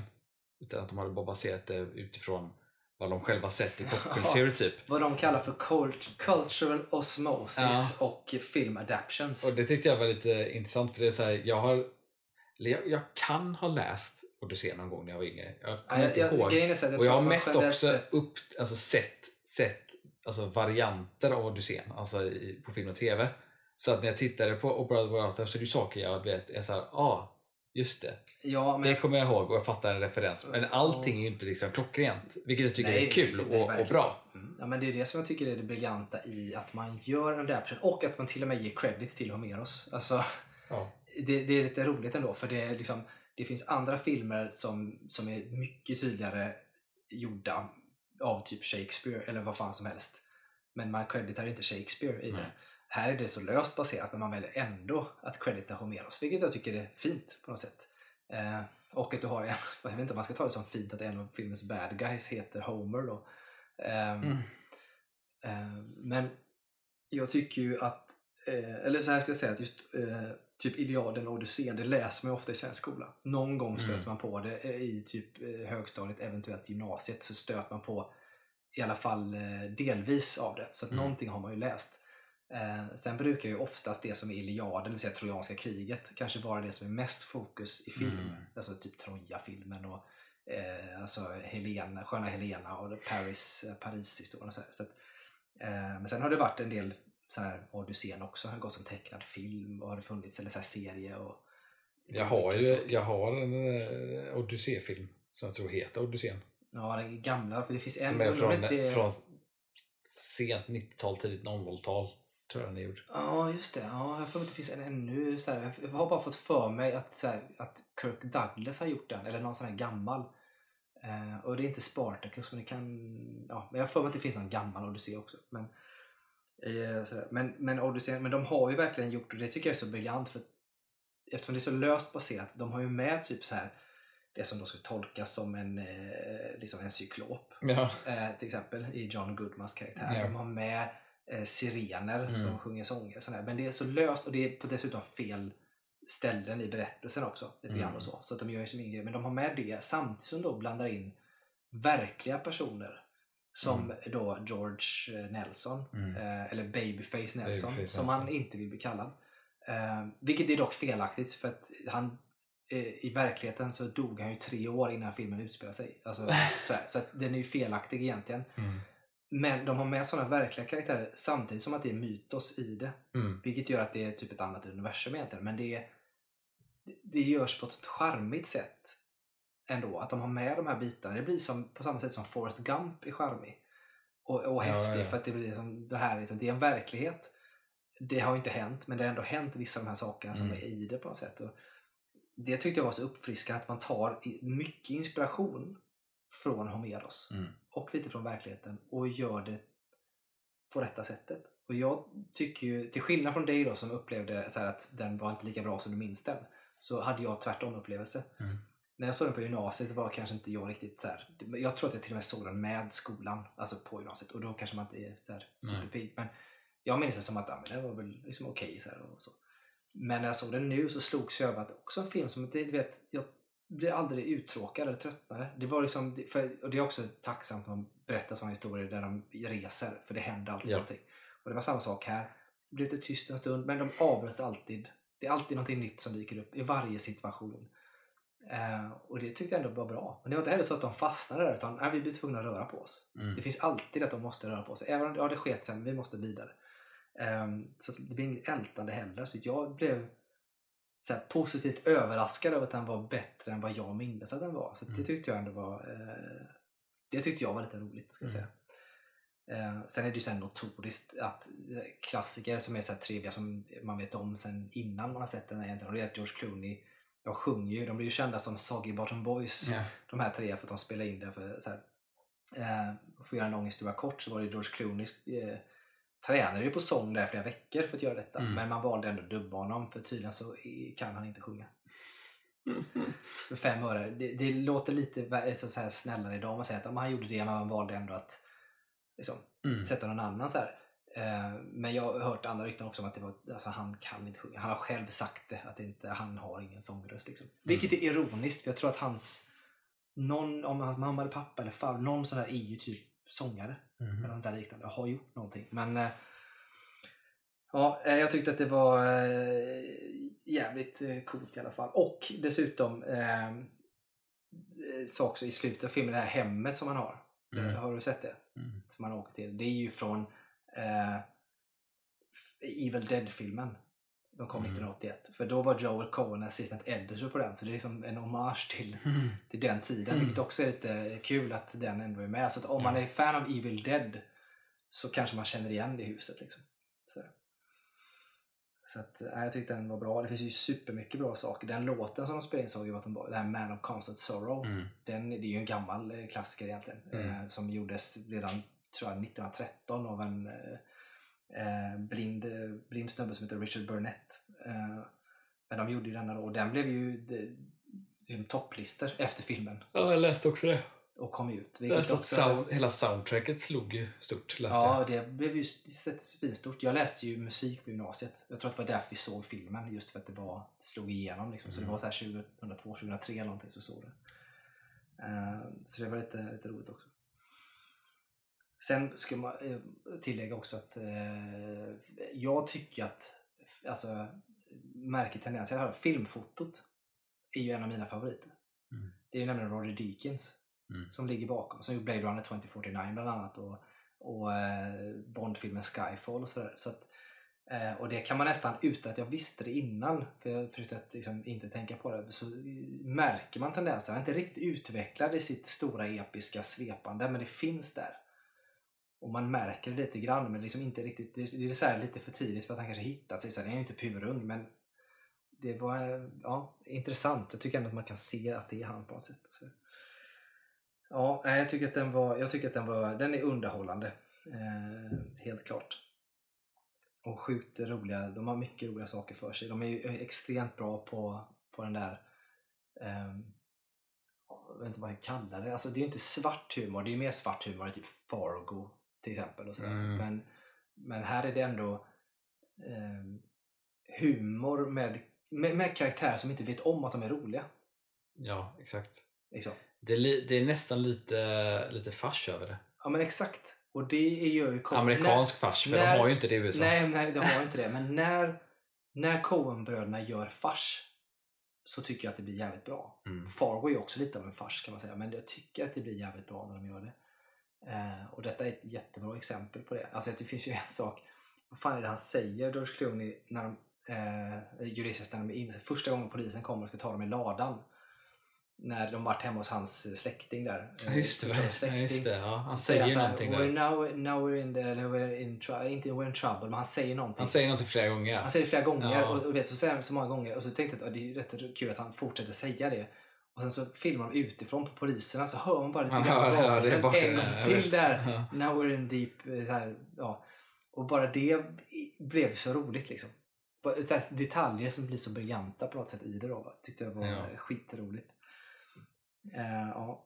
Men det är, är väldigt sån, jag tycker filmen Det är en sån där film som eh, för mig är att att det är karaktärerna som gör den filmen helt och hållet. Typ storyn är lite är nästan lite orelevant. För att det är karaktärerna man, man hänger med helt och hållet där. Och att det är det som måste funka för att man ska liksom eh, vilja se det. Så storyn i sig, jag, liksom, när jag tittade på den så var jag, liksom, jag brydde mig inte riktigt om, om, om, om de skulle liksom komma fram till skatten eller inte. Jag brydde mig liksom inte om det för att jag var bara nöjd med att liksom vara med dem, den trion. Liksom. Så att det var så här sak samma vad, vad, vad som hände. Utan det var mest bara kul att se, se situationen de hamnade i. Det spelade ingen roll för mig vad för typ av situationer det var. Just eftersom de, de var så roliga tillsammans de tre. Och, och funkade så väl. Och att de var på något sätt, ja, hela den här grejen med att, att ibland lyssnar de på varandra, ibland lyssnar de inte alls på varandra. Ibland är det som att de har en konversation, att de alla säger helt olika saker och bara pratar förbi varandra. Men ändå så typ hålls det en konversation som på, som på något sätt avslutas i att de har bestämt sig för någonting. Det tycker jag är väldigt underhållande. Och väldigt, måste vara sjukt. Jag, jag vet inte riktigt, det, det, det är en sån där film när, när, när jag undrar lite så här hur man ens skriver det. Mm. För jag vet ju också att Coenbröderna är ju, är ju, de är ju kända för att man faktiskt liksom Det är inte mycket improvisation.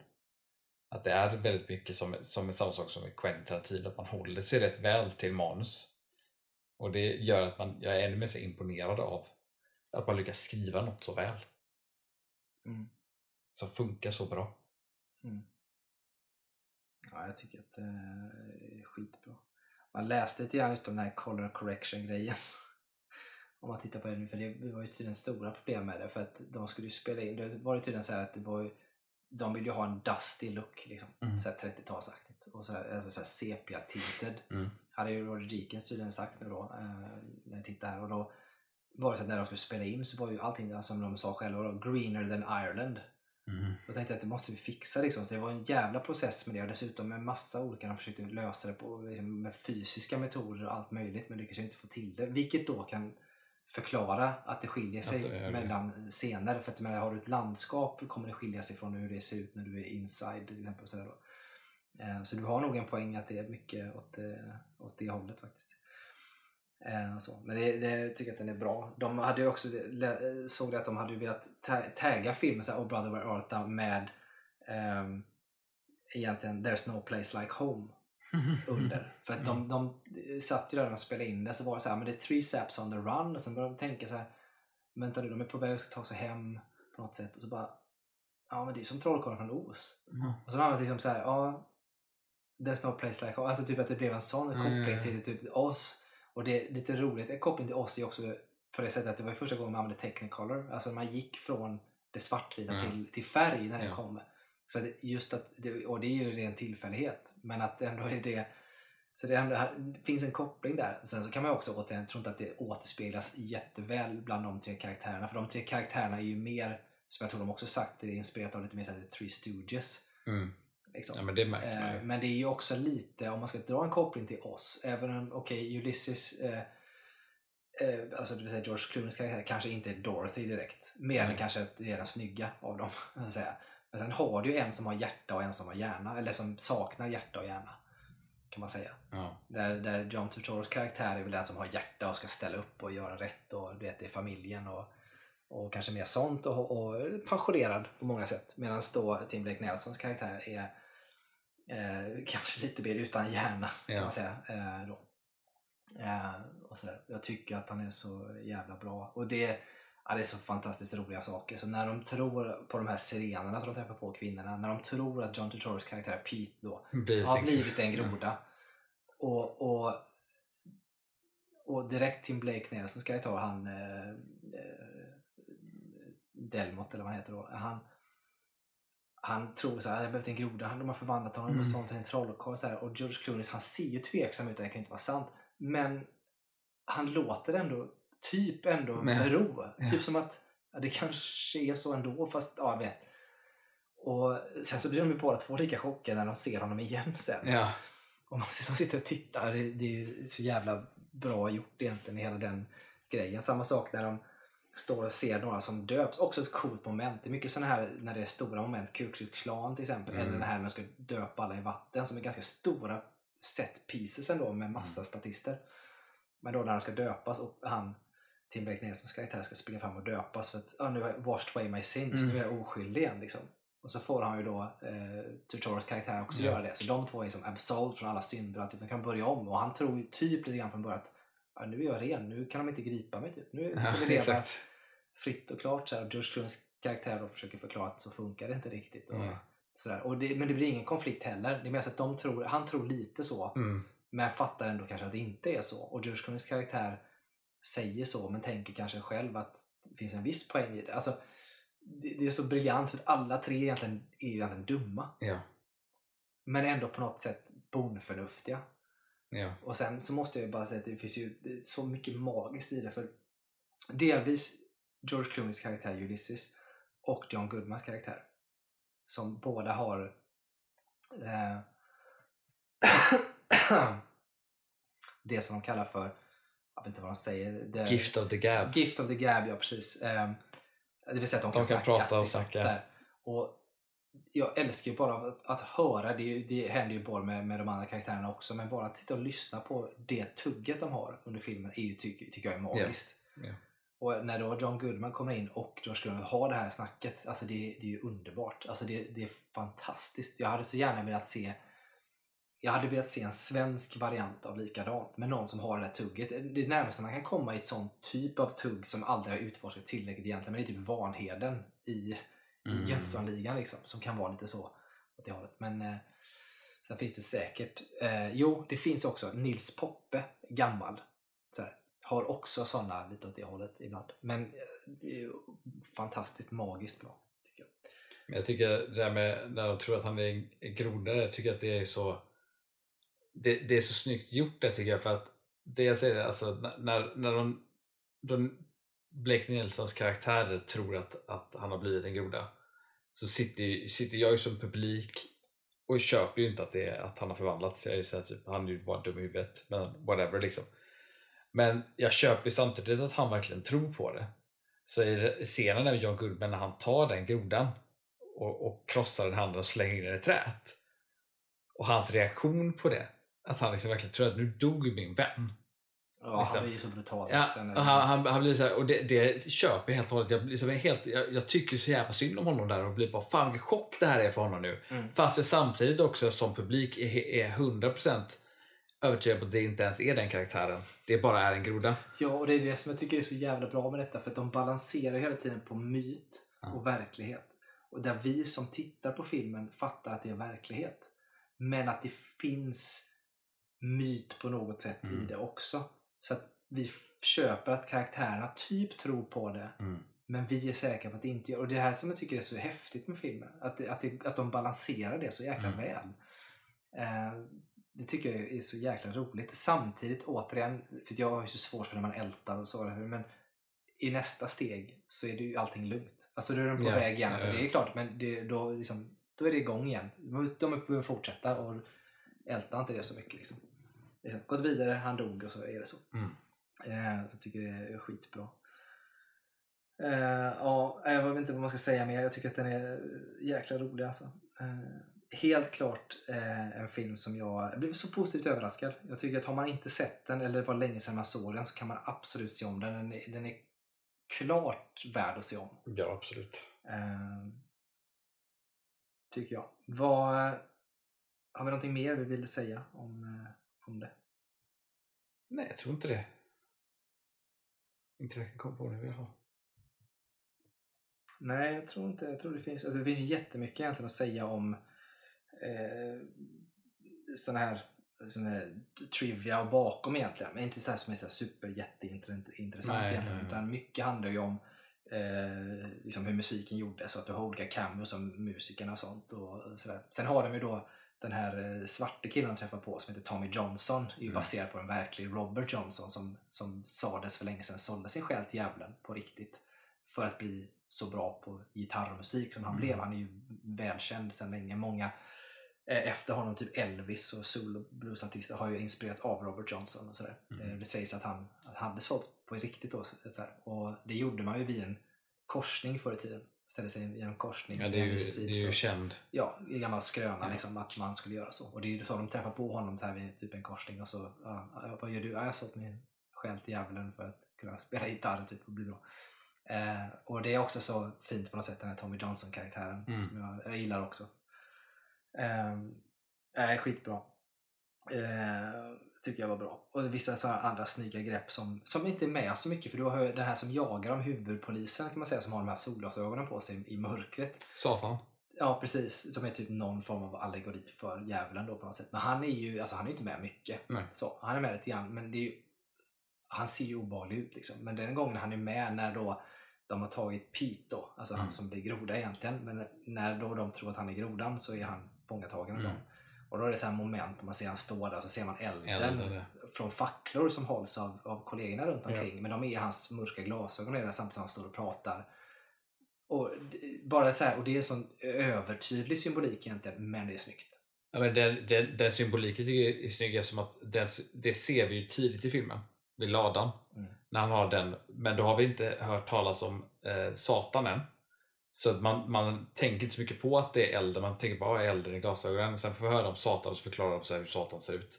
Och sen så ser vi det igen så kopplar man ju direkt. Man bara, just det. Mm. Vi har ju redan sett honom. Ja. Precis, och det är det som Det är snyggt. Det, det är snyggt ja. Eh, så det tycker jag är också är bra. Eh, det finns mycket häftiga saker där. Så, och är det, återigen så är det då eh, ja, George Clooney kanske inte är det i och för sig, men du har ju både John Turturro, Tim Blake Nelson och John Goodman brukar ju vara go-to-folk för Coen-bröderna som har ja. varit med i flera. Och, sådär. och det säger jag ingenting om för det är bra. Ja. Det är bra skådisar allihopa. Eh, John Turturro, Severance, serien vi pratade om till exempel. Fruktansvärt briljant. För- också briljant i den här. Om man ska liksom rangordna vem man tycker är bäst så ska jag nog säga att i den här filmen så är nog John Turturro den absolut bästa. Mm, jag, har, jag, jag skulle nog hålla med om det. Men det är kanske också lite baserat på att hans karaktär är den han är. Men, Mm. men helt klart bäst. Liksom. Sen är de andra också skitbra. Men eh, ja, riktigt bra. Han gör en sak i, i den filmen som jag är sån här, undrar om han fick någon men efter det. Så en fysisk sak han gör och det är att han, han skjuter fram och ger sig själv ett, en sned haka, ett snett bett i filmen. Ja men det har ju John Turturro lite grann. Ja, fast han gör det extremt, han, Ja, gör det, han ja. gör det snett åt sidan. Men han har ju haft Vilket man sån- ser och, och jag blir så här, alltså att, att, att tänka på att göra det hela tiden, alltså han måste ha haft käkmusklerna måste känts. Men om man alltså. ser John Turturro, han har ju det redan i sig tror jag. Sen, sen tror jag att han överdriver det i filmen. Eh, och sådär, men han är lite sned så, han gör det mer här. Men han, alltså, han gör så mycket saker briljant i den här filmen. Eh, som jag tycker är bra. Och det är frågan, här är ju frågan mycket av det som görs också. Är det han eller är det regin? Mm, ja. För bara en sån sak som när de upptäcker att han lever i biosalongen. så som han säger till dem Do not seek the treasure. Du vet där, och sitter och Jag älskar att de har en hel jävla konversation och så typ viskar de och så är det som att här, bara för att ni viskar så ingen skulle höra er. Nej, men, och det är så sjukt för han säger det ganska högt. Eller? Ja. Not seek the treasure. Så här, och de andra sitter ju bara och bryr sig inte egentligen. De som är runt Ja. honom då, fångar och sånt. Eh, och så sitter George Clooney och han ska säga det. Och så Tim Blake Nelson ska säga det, som är helt tvärtom. Viskar jättetyst och till och med sen bara alltså, knappt ljudar Mm. med munnen. Alltså bara den utväxlingen Ja. är så jävla briljant. Man, not ja, eh, jag tycker att det är magiskt jävla bra. Jag tyckte att den var eh, eh, så jäkla bra faktiskt. Ehm, ja, nu får vi se var det hamnar då eh, helt enkelt. På en eh, liten betygsskala då tänker jag. Vad eh, säger du? Eh, ja, vad säger jag? Jag säger... Eh, den får en sjua av mig. För att det finns... Eh, jag skulle nog ha gett den mer objektivt, men det finns andra Coen-filmer jag tycker är bättre som jag hade gett en åtta. Utan tvekan, så den här får en sjua. Mm, mm, intressant. Jag ska inte säga, det var, det, alltså jag har ju sett några Coen-filmer men jag kan inte tänka på någon så här rak arm som tycker så här är jättemycket bättre. Jag behöver se om, för det var jättelänge sedan jag såg Fargo till exempel. Och det är ju den mest hyllade av deras filmer egentligen. Eh, så den hade jag behövt se för att kanske sätta någon så här, No serie- country for old men. Ja, och det är också en sån som är skitbra. Liksom. Eh, men jag landar nog ändå i att jag... Ja, jag ger den nog fan en åtta. Eh, jag tycker ändå att den är så pass jäkla bra. Och det är inte sagt att jag tror att de andra också är bra. Jag tror att för mig kanske alla de kommer vara åttor. Liksom. Möjligtvis att No Country for Old Men skulle kunna klättra högre Ja. eh, ändå. Eh, för den är också jävligt bra. Och No Country for Old Men tror jag också är Roger Deakins. Ja, det är, kan det nog väldigt mycket Ja, jag tror vara. att det kan vara så. Det ser man ju på fotot. Så att säga. Det är ju en film som är sån, allting är på en vid skala. Ja, lite så ja. Eh, så är det spännande. Sen blir det kul då för att snart kommer ju Dune Part 2 och där är Tim Blake Nelson med. Vad säger jag? det? Reklam för Tim Blake Nelson. Nice. Eh, och då får vi väl se, jag vet inte riktigt vem eller vad han spelar. Och han, men och, tänker man på vad, alltså jag tror att Tim Blake Nelson är en Harkonnen om man ska vara så. Mhm. Eh, eller en Harkonnen, alltså Mm. tillhör Stellan Skarsgårds gäng. Mm. Eh, för att han passar i det rent utseendemässigt tror jag. Eh, så är det. Nej men eh, som sagt, du är en sjua, jag är en åtta. Mm. Och eh, så ska vi då eh, låta er tycka till med lite film. Jag vet att vi redan har en person som har sagt att de vill tycka till om en film. Men vi kommer lägga ut på, på Instagram i, i anslutning till detta avsnittet och sen kanske lite efter också, några Mm. dagar så, så att man får in lite. Eh, så så håll, eh, håll utkik så tar vi upp det i podden och ni får ju jättegärna ehm, skriva på DM också såklart. Om ni Mm. kommer på om ni hör detta och inte ser frågan där och då så skriv på DM eh, på Instagram. Eller på vår Facebookgrupp då, Film för alla. Den kan ni bara söka upp och gå med i. Eh, där brukar vi lägga upp när det kommer nya avsnitt och dessutom lite filmmemes och lite nyheter som läggs upp där ibland. Um, får jättegärna komma med andra förslag också. Eh, om det skulle vara så att ni vill ha mer av någonting eller att ni vill ha ehm, skrivna saker av oss, krönikor eller artiklar eller recensioner så där, som ni skulle tycka var intressant att få också och så vidare. Eller något annat forum ni skulle vilja att vi syntes i på något sätt. Eh, absolut hör av er. Eh, och som vanligt vill ni sponsra oss med pengar så får ni göra det också. Jag vill fortfarande skaffa bättre mikrofoner. Eh, Ja. Så där är vi. Eh, men bra, då är det egentligen bara att tacka för den här gången och så hörs vi igen nästa vecka helt enkelt. Så får ni alla ha det fantastiskt fint. Ha det bra.